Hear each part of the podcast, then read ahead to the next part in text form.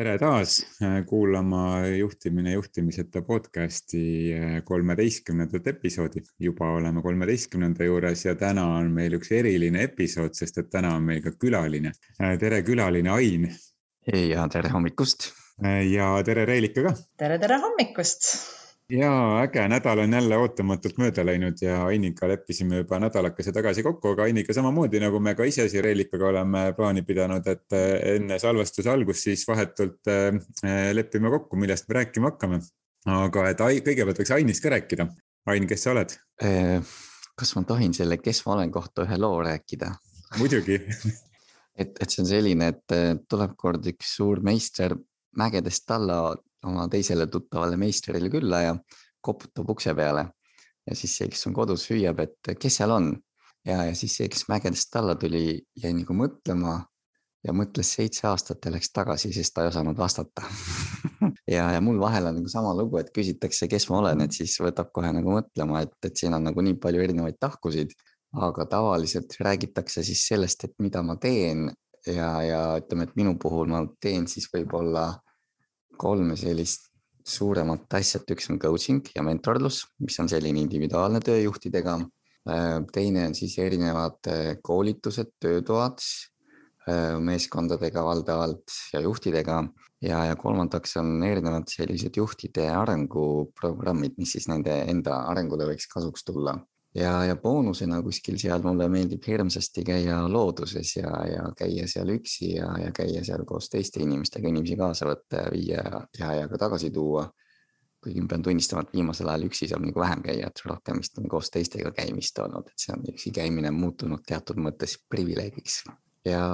ja muidu tahaks öelda nagu Karlssonit tsiteerida, et mees oma parimais aastates, et kuidagi lühidalt kokku võtta Vau, väga äge tutvustus seda, kes sa oled, küsisin täitsa meelega, sest ma teen seda ise äh, ka oma koolitustel tihti. Alguses küsin seda inimeste käest, et kes sa oled? Ja see noh, see, kuidas sa seda avasid, täpselt nii äh, ongi, et, et me võime seitse aastat mõelda ma arvan, et me elu lõpuni mõtleme seda, et kes me siis oleme. ja see, mille kaudu me ennast tutvustame, ongi tihti siis läbi selle, et mida me teeme, ehk et, ähm, et raske on selgitada seda, et kes ma siis olen human being'u kontekstis, aga väga hästi on, kerge on seletada, kes ma siis olen human doing'u kontekstis on ju minu, minu kokkupuude Ainiga ulatub juba tagasi, eh, ma ei teagi, ma arvan kümmekond aastat või eh, umbes, eh, umbes niimoodi, et meie sattusime Swedis koos küll mitte tööalaselt nii otseselt kokku puutuma, aga Ain oli siis see, kes Swedis hakkas siis eest vedama sellist sellist juhtide arenguprogrammi nagu Labor koos Merikesega, Merike on nüüd täna juba kuskil teistes organisatsioonides. Ja, ja sinna laborisse ma siis sattusin ja seal siis esimest korda hakkasin kokku puutuma noh, võib-olla vaimse arengu teemadega rohkem ja enda sissevaatamisega rohkem, kui ma tol hetkel siis äh, enne olin kokku puutunud ja, ja, ja sain siis ühel hetkel ka nagu üledoosi sellest ja siis mõneks ajaks tundsin, et ma pean täitsa nagu eemalduma, mitte Aini pärast on ju, aga üldse, et eemalduma sellest äh, vaimse arengu teemast, äh, et, et natukene jälle rahuneda lasta. aga noh, Ain on sellel teel muudkui nagu need aastad ikkagi nagu edasi läinud ja veelgi sügavamatesse ja kõrgematesse tasemetesse liikunud, nii et, et ja nüüd äge on sind siin näha. Reelika, kust sina Aini tead? No vot meil äh, viisid teed kokku mingi aastakene tagasi, et kui me alustasime seda Juhi viie sellist äh, loomise protsessi. Ja ma ütlen ka, et äh, ikkagi väga äge, kui sinu ellu tulevad sellised inimesed ja, ja kui ma iga kord Aini peale mõtlen, siis mulle kohe nagu see mm, assotsieerub sellise loomulikkusega ja sellise rahuga, et, et, et see, mida ta väljendab, on hästi loomulik, et kui vahel öeldakse, et issand küll, et nii teistsugune, siis ma arvan, et see teistsugune teebki just inimesed loomulikuks ja mul väga hea meel Aini tunda. ma tahaks sellist asja küsida nüüd Aini käest, selle keeru, keerukama asja, asja peale mind, et mis on, mis on sinu miks? Ehm, sa küsid ilmselt selles vaates, et äh, miks ma teen neid asju, mis ma teen, jah? laienda nii, kuidas sa jah tunned. Ähm, et siin on äh, vist kaks asja vähemalt ja, ja ma toon nagu sellise näite nüüd siis juba vist peaaegu kahe aasta tagusest ajast et äh, mul umbes kaks aastat tagasi, kui see koroona teema peale hakkas, tekkis rohkelt vaba aega ja siis ma mõtlesin enda elu üle vähe pikemalt järele või sügavamalt. ja, ja mul tekkis ka tunne, et mul on vaja minna uuesti ülikooli Tartusse õppima ja, ja ma ei osanud seda nagu põhjendada endale tookord ühegi ratsionaalse argumendiga, miks mul seda vaja on, aga lihtsalt tekkis tugev tunne, et on vaja minna. ja nüüd ma mõtlen, et jumal tänatud, et ma nagu läksin, et see on nagu nii palju mulle andnud tagantjärgi vaadates või noh, juba täna, eks ja, ja siis minu miksid on ka üldjuhul on nagu kuidagi kahte moodi, et mul kõigepealt tekib see mingi tunne, et, et mul on nagu vaja teha mingit asja, et see on just nagu mingi kutse ja noh, hiljem tekib sinna siis selline ratsionaalne põhjendus võib-olla tagantjärgi nii-öelda järgi, et miks ma neid asju teen. aga kui öelda, et, et need asjad, mis need nagu annavad, et ühelt poolt on see, et ma näen, et nendest on inimestel kasu, et nad kuidagi nagu muutuvad ja, ja, ja nagu kasvavad ja, ja ütleme, mis mind huvitab, on just sellise noh, mingi suurema muutuse või sügavama muutuse saamine, et, et juhtuks tõesti see, et, et kui inimene mingile taipamisele jõuab, et, et siis ta ka selle taipamise järgi siis nii-öelda käituks ja tegutseks või et noh, ilmselt te olete ka kogenud seda, et, et me teame küll, et peaks mingeid asju tegema või mingeid asju mitte tegema, aga noh, ikka nagu teeme või siis ei tee. Aga kuidagi, et jõuda jah selliste muutusteni, mis tõesti inimesi nii-öelda nagu edasi aitavad nende elus ja nende elu paremaks teeksid, on üks vaade. Ja, ja teine põhjus, et mul on selline tunne, et ikkagi mingid asjad meie elus on just nii-öelda nagu noh, mitte ette määratud, aga, aga mingid asjad on sellised, mida me oleme tulnud siia ellu siis nii-öelda nagu tegema või kutsutakse kutsumuseks või hinge kutsumuseks või valikuks või kuidas iganes seda nimetada. aga mul on tunne, et need on need asjad, mida ma siis olen tulnud siia ellu nii-öelda kogema ja looma ja, ja siis sellepärast ma teengi neid asju, mida ma teen. ja kõige suuremas plaanis võib-olla on see selline isekas soov, aga ma tahaks ikkagi jõuda sinnamaani, et ühel hetkel siis inimesed suudavad maal elada niimoodi normaalselt ja, ja harmooniliselt kooskõlas siis üksteise ja loodusega. ja noh, kui ma mõtlen näiteks enda nagu laste või lastelaste peale, et mul on nüüd õnn olla juba kahekordne vanaisa, et ma tahaks, et näiteks minu lastelastel ja nende lastel ja nende lastel oleks ka ikkagi koht, kus nii-öelda elada, et kus oleks sellist nagu loodust ja, ja ja puhast vett ja õhku ja toitu ja, ja kuidagi sihuke inimväärne keskkond siis nii neile kui ka võib-olla loodusele meie ümber, et, et see on see minu miks. mulle hästi meeldib, indiaanlastel on seitsme põlvkonna selline mõtteviis, et kui nad mingeid asju teevad või muudavad, siis nad mõtlevad selle peale, et et milline on selle, nende tegevuse mõju siis nii-öelda nagu seitsme põlv, noh, järgmisele seitsmele põlvkonnale äge lihtne näide, et, et võtad nagu mingi puu maha, jube lihtne on nagu võtta, aga nende asemele kasvab ju mingisugune, ma ei tea, sada aastat, eks ole, et et mõelda siis enda selle tegevuse pikemale mõjule ka. et selline võib-olla pikem vastus sinu küsimusele, miks hästi huvitav, ma kuidagi praegu sind kuulates äh, mõtlesin, et mõtle, kui paljud inimesed tegelikult elavad selle kontseptsiooni järgi, et äh, nagu homset poleks ollagi. meil nagu kuidagi on nagu hästi tugevalt programmeeritud seda, on ju, et nagu sinu see mõte, et, et elada nii, et äh, ikkagi järgnevatel põlvkondadel oleks ka, kus elada, siis versus see, et ela nii, nagu homset poleks ollagi, et kuidas need. ma tahaks tuua siia sellise asja, noh nagu veel tahu juurde, et, et ühel hetkel kuidagi sa hakkad mõistma, et elu on just nagu selline koosneb nagu paradoksidest, et seesama, et nagu homset poleks ja siis nagu pikk vaade tegelikult on minu arust on nagu vaja mõlemat, et sul on olemas see pikk vaade nii-öelda, et milline on see mõju. aga samas sa elad siis ka selle pika järgi vaat-, pika vaate järgi nii-öelda nagu tänases hetkes, et sa nagu teed neid asju, mis sa täna teha saad äh, selleks, et siis ka pikk vaade oleks hea või kuidagi niimoodi. seda nagu raske võib-olla seletada, aga et jah, et nagu elada selles hetkes, tänases päevas aga eladagi siis sellise normaalse inimesena, mulle meeldib, et ära ole põrsas, et ole hea inimene hästi armas. kuidagi sellise põhimõtte järgi. ja hästi armas mõte on siin juurde nii ka, et, et ela nii, et sa ei tekita teistele ebamugavusi jah ma..., mulle, mulle hästi meeldis see seitsme põlvkonna, noh muidu räägitakse, noh, ütleme konstellatsioonisüsteemis räägitakse, et seitse põlvkonda tagasi on see, mis mõjutab sind siis äh, tänasel päeval on ju. ja, ja ma ei ole kunagi nagu selle nurga alt mõelnud, aga see on ka seitse põlvkonda edasi. ehk et, äh, et, et sinust saab alguses ju, ju, ju järgmine seitse ehk et seitsme põlvkonna pärast keegi jälle tegeleb sellega, et seitse põlvkonda tagasi keegi oli teinud äh, valikuid, mis ei olnud võib-olla kõige jätkusuutlikumad, et, et see seitse põlve edasi ja tagasi mõlemat pidi vaadata, et see on päris kihvt nurk äh, praegu. jah, ja mulle just meeldib see mõte just, et vaata tulevikku ja elamine siin ja praegu, mis äh, kindlasti äh, muudab seda mõtet, et ela nii, nagu homset poleks ollagi ja aga kuidas, kuidas seda nüüd noh, me siin ikkagi räägime juhtimisest valdavalt on ju või juhtide kaudu siis selle mõju äh, suurendamisest, mis iganes me teema siis nagu siin lauda võtame. et kuidas see nüüd siis nagu juhtide kaudu võiks pärisellu jõuda, et see kõik, millesse sina usud, Ain? Et, et sa ju ka juhtimiskoolitajana tegutsed äh, mentorina, coach'ina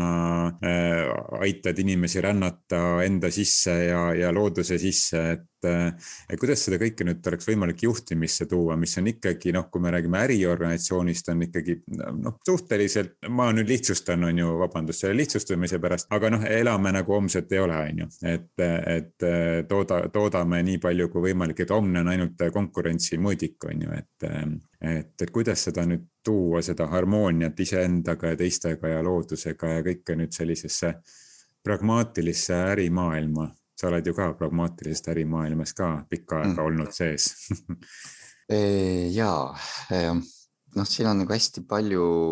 neid tahkusid, kuidas seda teha, aga ma toon võib-olla nagu kaks välja. et üks, toon nagu kõigepealt ühe sellise näite kunagi, kui sa töötad liisingus, äh, vastutasin siis autoliisingu tooteliini eest ja see vist äkki oli mingi juba kakskümmend aastat tagasi ja oli ühel hetkel tekkis ka teema selline, et noh, kas ja kuidas peaks keskkonnast hoolima ja, ja, ja kuidas siis peaks, ma ei tea, kas peaks kuidagi nagu mingi heategevusega tegelema. aga too hetk ma olin nagu nii noor ja rumal, siis mulle tundus see nagu natukese mingi libateema, et mis keskkonnateema, mida te räägite, me oleme siin nagu äri tegemas, et millest, mis jutt see nüüd üldse on aga vahepeal on, tundub, et ikkagi nagu ühiskond on edasi kasvanud ja, ja, ja ka ma ise olen kasvanud ja, ja täna hommikul mul jäi silma just üks artikkel oli sellest, et millised kaubandusketid siis äh, nii-öelda praktiseerivad sellist jätkusuutlikku majandusmudelit või? Ühesõnaga, et, et, et kas need tooted, mida nad müüvad, et kui palju seal on arvestatud siis selle äh, inimväärse to tootmisega ja looduskeskkonnaga ja sealt tuli välja, et, et noh, osadel juba on, osadel nagu kahjuks veel ei ole. ja kuidas see nagu juhtimisse puutub, et noh, juhtidel on väga suur mõju ikkagi sellele, et milline on nüüd siis selle ettevõtte või kultuuri selline meelestatus äh, või nägemus sellest, et kuidas nad toimivad, et kas nende nagu kõige peamine selline motivaator nagu kasuminumber või nad näevad siis enda ümber ka seda keskkonda ja noh, keskkond on ju siis mitte ainult nagu loodus, aga, aga see on ka see kogukond, kes on enda ümber inimesed, kes seal töötavad ettevõttes kuni siis ma ei tea, maailmani välja, eks. et, et see on nagu üks vaade ja, ja teine, kuidas siis juhid saavad mõjutada, on see, et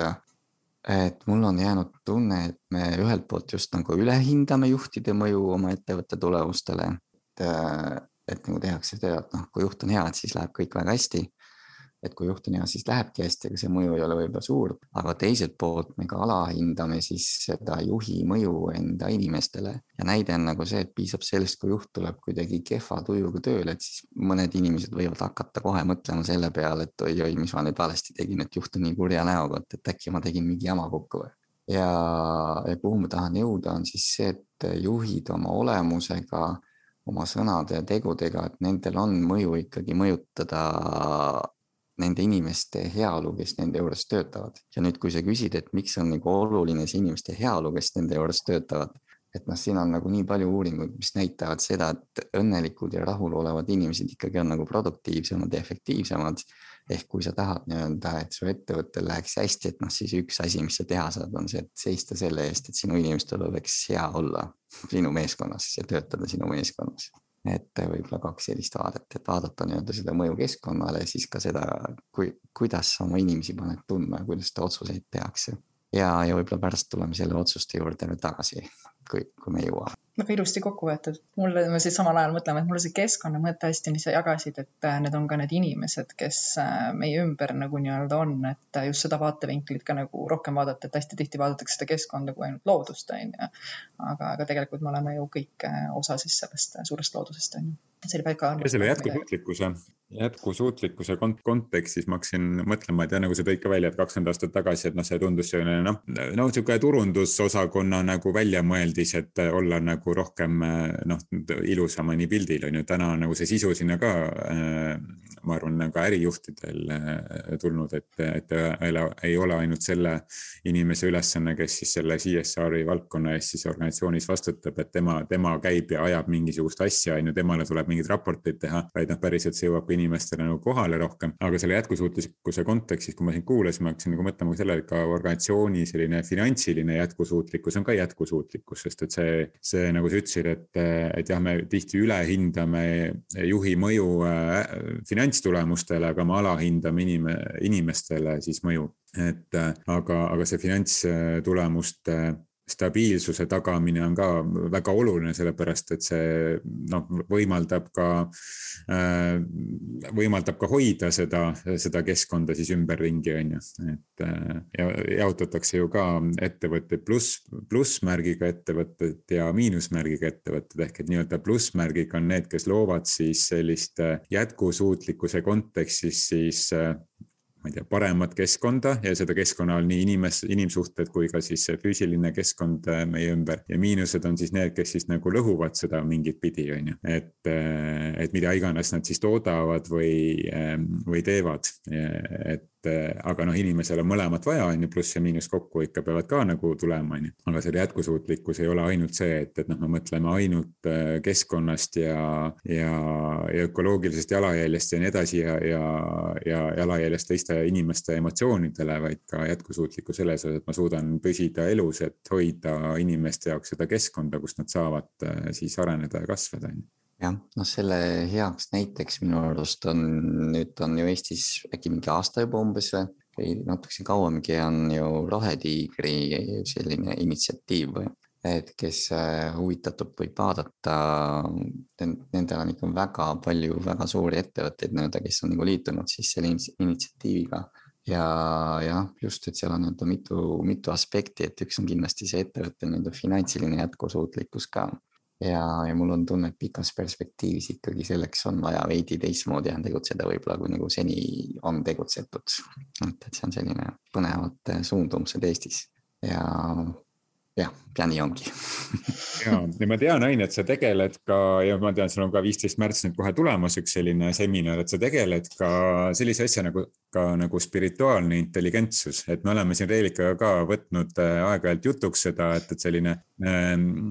eelmine juhtimislaine oli selline protsessi juhtimisega seotud teema, mis oli sihuke kahe tuhandendate alguse nagu buum on ju, siis tuli inimesekeskne juhtimine kõik äh, ja meeskonnapõhine, kõik käisid siis puu otsas ronimas ja kõiki muid asju tegemas. Ja, ja siis, äh, siis nüüd on, nüüd on hakanud aina rohkem tulema sellise spirituaalse juhtimise ja teiste eneseteostusele kaasaaitamise kui lähenemisi ja sellist selliste vaimse kasvuga seotud teemasid ja sina oled seda spirituaalse intelligentsuse teemat ikkagi päris korralikult, mulle tundub, uurinud, et võib-olla sa räägid natuke lähemalt, mis asi see on? ja noh, teema on tõesti hästi põnev hästi lai ja, ja ma alustan võib-olla nagu sellisest metafoorist üldse, mida ma kuulsin nüüd kaks aastat tagasi umbes ühel rahvusvaheline coaching'u konverents oli, kus öeldi, et spirituaalne intelligentsus, et see on täna umbes midagi taolist, nagu oli emotsionaalne intelligentsus viisteist aastat tagasi.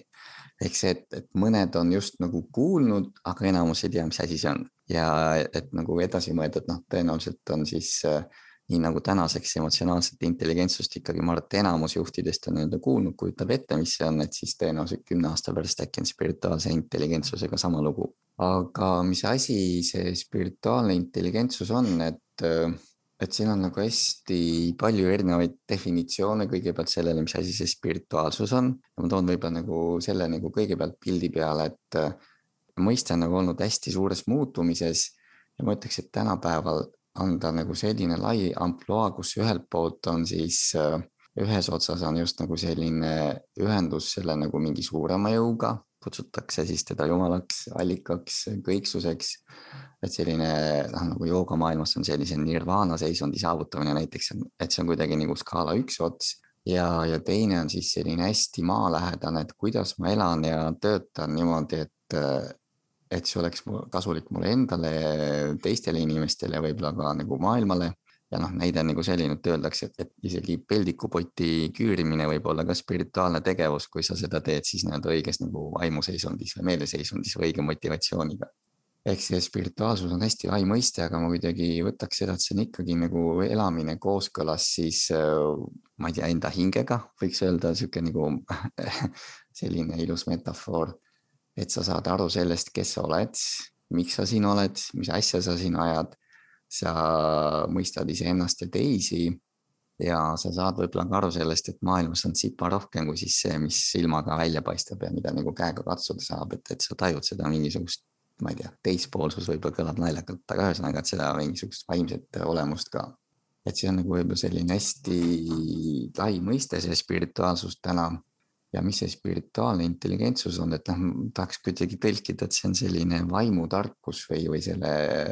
mõistmine sellest, et mis see spirituaalsus on ja selle järgi ka siis käitumine ja, ja mulle hästi meeldib, on äh, siis äh, USA-st on Cindy Wiggleworth, kes on kirjutanud ka sel teemal raamatu Spirituaalne intelligentsus ongi nimi, eesti keeles ka ilmunud mõned aastad tagasi. ja tema defineerib seda siis niimoodi, et see on, et just, et see on just nagu võime ühelt poolt ja oskus käituda siis targalt ja, ja osavõtlikult säilitades sisemise ja välimise rahu sõltumata olukorrast. ja noh, siin on nagu mitu aspekti, et, et üks on see, et, et see on tõesti nagu siis võime ja oskus käituda, just nagu käituda, et sa nagu käitudki siis niimoodi targalt ja osavõtlikult. Ja, ja siis teine on selle nagu rahu säilitamine ja, ja noh, minu jaoks on see nagu võtmekoht või selline üks raskemaid kohti on just sisemise rahu säilitamine. Väliselt suudame küll nagu teiste ees rahu säilitada, aga see, mis sees toimub, et see võib olla päris selline Äh, kole, kole võib-olla, et kuidas siis nagu elada niimoodi, et sa oled nagu sisemiselt ja väliselt kooskõlas. ja, ja miks see kõik nagu vajalik on, mulle tunnen nagu eriti juhtimise kontekstis, et ilmselt on enamus kogenud, et kui sa oled kuidagi sellises liimist lahti või, või ma ei tea, paanikas või närviline, et siis on nagu õigete otsuste tegemine on päris keeruline. aga ma olen vaadanud, et kuidagi inimesed teevad tarku otsuseid siis, kui nad on noh, keskmes tasakaalus nagu rahulikud ja, ja nad nagu mõistavad siis ennast ja enda kohta siin nii-öelda selles maailmas, et, et see on nagu otsene selline side juhtimisega. see on siis selline võime ja oskus käituda ikkagi nagu targalt ja osavõtlikult siis ja, ja säilitada siis seejuures rahu ja ma tahaks boonusena panna siia juurde ka, et nagu ja, ja tegutseda ka rõõmsalt siis selle kõige juures, et noh, minu arust see on ka sellise valgustunud inimese tunnus, et, et olla nagu rõõmus selle üle, kes sa oled ja mis sa teed jah, ma ise olen sedasama nii-öelda nagu, mida sa nüüd räägid teinud nii-öelda ka läbi seda vaimset nii-öelda siis arengut ja ma kuidagi jõudsin ka sinna, et see on selline olemine siis, kus su mõtted, sinu tunded ja sinu käitumine on siis äh, kõik sellises ilusas äh, koostöös, nimetame seda nii. ja, ja, ja mõnes mõttes, kas sa, Ain, oled ka seda poolt vaadanud, et nagu öeldakse, et meil on kõik, kõikidel nagu sellised nagu,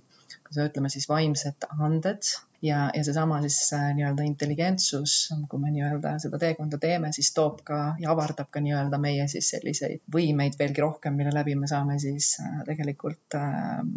tuua rohkem siis äh, head ja kasu ka nii-öelda ümbritsevale ja ka läbi selle endale, on ju, või läbi siis enda teistele, vahet pole, kuidapidi me seda nagu ütleme, kas see peab ka paika? no absoluutselt, et noh, nagu minu arust äh, tark inimene ju ongi ka selline, kes teab äh, seda, milles ta tugev on või mis on need tema anded, nagu sa ütlesid mm. -hmm. ja, ja ta neid kasutab ja,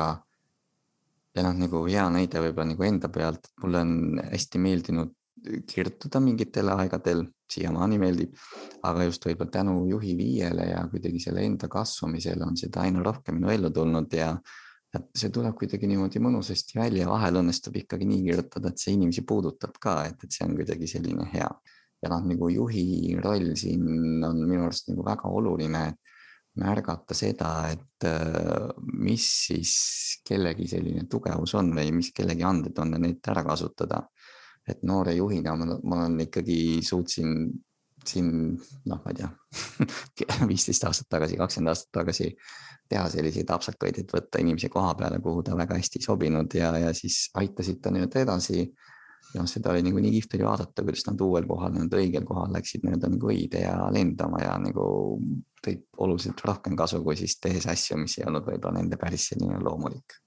et see oma andekuse mõistmine, et see on üks osa ja noh, siit võib-olla tuleb minu jaoks ka üks selline spirituaalsuse tahk välja, on see, et et kui sa oled tõesti ühenduses, siis selle, ma ei tea, nimetame ta kõrgema intelligentsusega või, et seeläbi on võimalik jõuda ka selliste lahendusteni või otsusteni, mis noh, ei ole, ei tule kuidagi nagu tavamõtlemisest või ja noh, näide on võib-olla nagu Einstein, kes on nagu öelnud, et kui tema oma selle erirelatiivsusteooriaga välja tuli, et see ei olnud asi, mida ta nagu välja mõttes, vaid see tuligi kuidagi inspiratsioonina või intuitsioonina, et, et noh, teda on nagu peetud üheks sellise intuitsiooni suurimaks eestkõnelejaks nii-öelda, et. et seesama intuitsiooni kasutamine ka üks spirituaalse intelligentsuse ütleme oskusi või tahkusid või, või võimeid mida ma olen avastanud, on see kujutlusvõime koht, on ju, et, et kui nüüd see selline siis ütleme, spirituaalne intelligentsus on hästi nagu nii-öelda kasvanud, siis äh, su kujutlusvõime ei näe enam mineviku tagasilööke, vaid vastupidi, su kujutlusvõime on suuteline töötama nagu nii-öelda siis võimaluste nii-öelda siis äh, nägemise ja tajumise nii-öelda teekonnal. et see on ka nagu väga põnev, mis, mis, miks seda teed üldse nagu nii-öelda võtta ette ja, ja vaadata ja uurida rohkem suure tõenäosusega noh, need, kes veel endiselt meie podcast'i kuulavad nüüd ka kolmeteistkümnendat korda on ju, et, et siis noh, suure tõenäosusega need inimesed on rohkem sellele teele valmis juba olnud astuma, et kus, kus me siis selliste teemadega nagu elus siis ühes etapis nagu tegeleme, et noh, et, et selles spirituaalses intelligentsuses on ka kõigepealt on see kehaline intelligentsus, siis on intellektuaalne noh, see PQ, IQ, EQ ja nüüd on see SQ on ju, et, et noh, et ja me oleme siin vist esimestes episoodides rääkisime ka, et öeldakse, et kuskil aastal kaks tuhat kolmkümmend, kolmkümmend viis ongi see spirituaalne ja, ja intuitsioonipõhine juhtimine on, on, on A ja O on ju et, äh, et ja, ja see läheb nagu kokku sellise nagu Jungi poolt käsitletud ka sellise minateadvuse arenguga, et, et meil ongi niisugune nagu äh, keha, keha ja meele ja äh, õppimine ja siis ühel hetkel siis sissepoole vaatamine ja siis enda selle nii-öelda su suuremaks siis äh, vaatamine, et äh,, et selline ülimina staadium, mida siis Jung äh, käsitleb, on ju, või, või kirjeldab. ja, ja seal ongi minu jaoks nagu kõige suurem nagu küsimus see, et, äh, et kas on võimalik kuidagi teist inimest nagu suunata sellele teele või tegelikult on võimalik olla ainult sellel toel, kui ta ise on sellele teele juba tulnud või, või, või äh, juba hakkab käima seda teed, et kus see,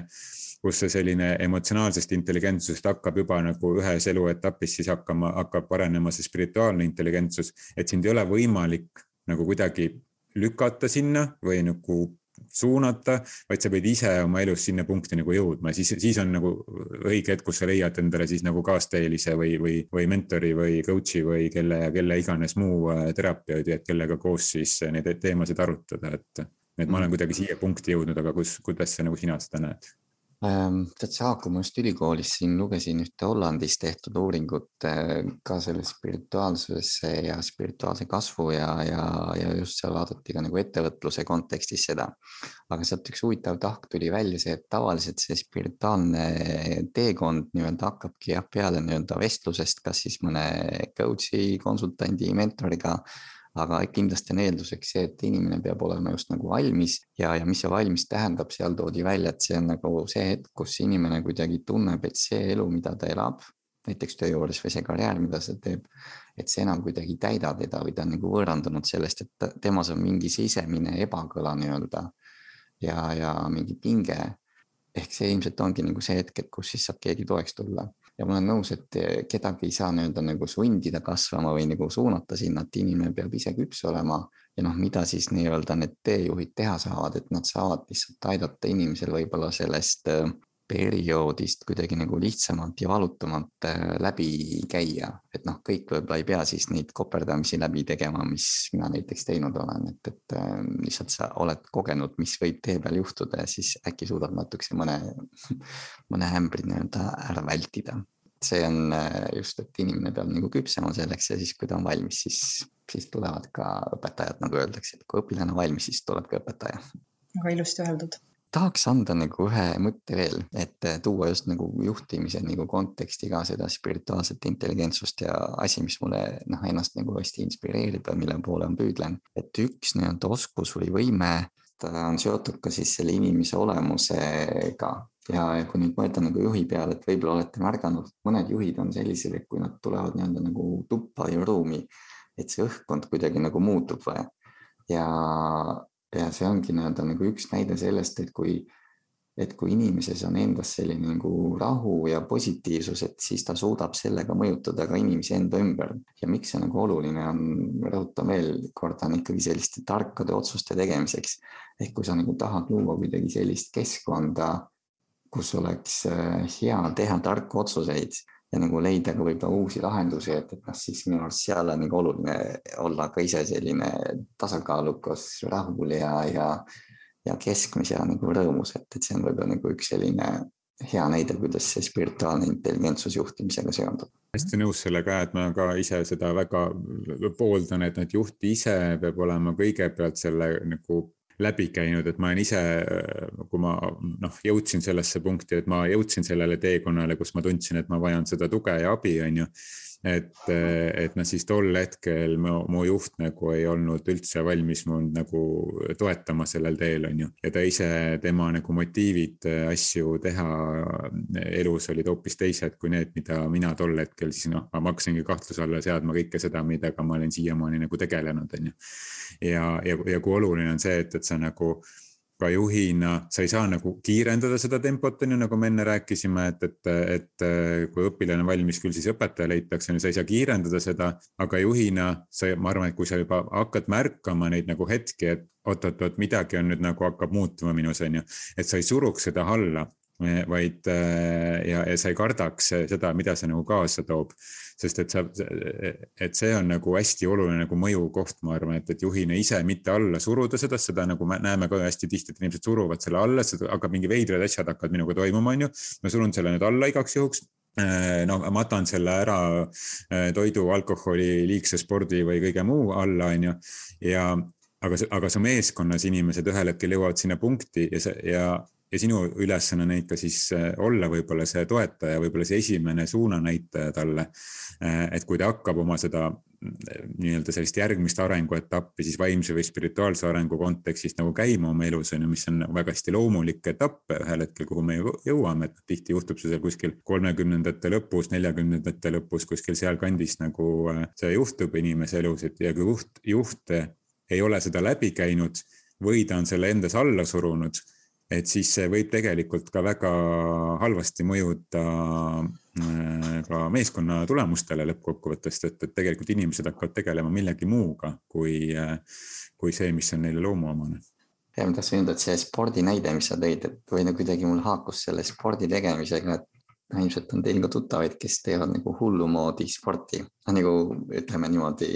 ma olen ise sama perioodi läbinud, kus maratonide läbimine, see oli täitsa igapäevane, mitte igapäevane, ütleme, aga sage nähe aga et seal tekib küsimus jah, et, et miks ma nii hullult teen ja mida ma seeläbi siis püüan, kas siis nagu peita või, või nagu leida, et, et spordi tegemine on hea, vajalik, aga sa pead vaatama, et kus maalt ta nagu üle piiri juba hakkab minema, et, et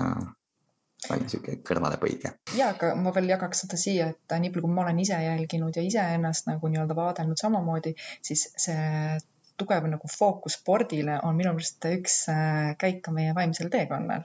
me teeme selle läbi ja sealt tuleb järgmine, et see kehaga ühenduse saamine viib meid paratamatult edasi, et ma arvan, et mõnes mõttes, kui sa avastad, et aa, ma olen nagu nii tugevalt seal spordis sees, see võib olla midagi, mis nagu nii-öelda avab, avab teed nii-öelda järgmisele äh, nii-öelda siis äh, poolele onju, et ma arvan, kõik juhtub nagu jumala põhjusega ja on väga nagu loogiliselt seoses kui pärast hakkad punkte kokku niimoodi vaatama. ja neid saabki pärast kokku panna onju, et, et siin ei saa keegi teine, et, et aga see, mis minu jutu point oli ühesõnaga jah see, et kui Eh, mis nagu kõnetas mind ka, et, et kui, kui, kui sa märkad, et, et see mingi teekond või selline kripeldus su sees on, et ära suru seda alla, on ju, sest et äh, sa teed iseendale liiga sellega tegelikult ka teiste jaoks, kes ühel hetkel võib-olla vajavad sinu tuge. Kaasa anda lõpetuseks meie kuulajatele, kes veel nii-öelda lainel on, anda ühe sellise mõtte, millest äkki võiks kasu olla nii-öelda oma igapäevategevuses ja elamises et äh, mõtle selle peale, et kes on nagu sellised juhid või inimesed, kes sind tõesti inspireerivad oma nii-öelda nagu olemuse, käitumise, tegemisega, mõtlemisega. Ja, ja leia üles need jooned sealt või küljed, et mis sind inspireerivad. Ja siis tõesti püüa lihtsalt iga päev ise samamoodi elada et nii-öelda käituda samal moel, et see on selline üks hästi lihtne moodus, kuidas siis ka ise kasvada siis oma eeskujude järgi.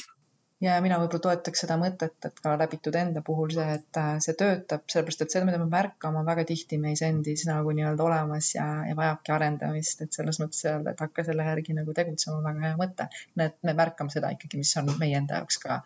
väga sügavalt meiega nii-öelda ühenduses olev et ei kopeeri, et võtad küll inspiratsiooni, aga ei hakka kopeerima, siis sina oled sina ja teine on teine, aga inspiratsiooni me saame ammutada üksteiselt äh, küll ja veel aitäh inspireerimast, Ain. aitäh. aitäh. tšau. Kuulmisteni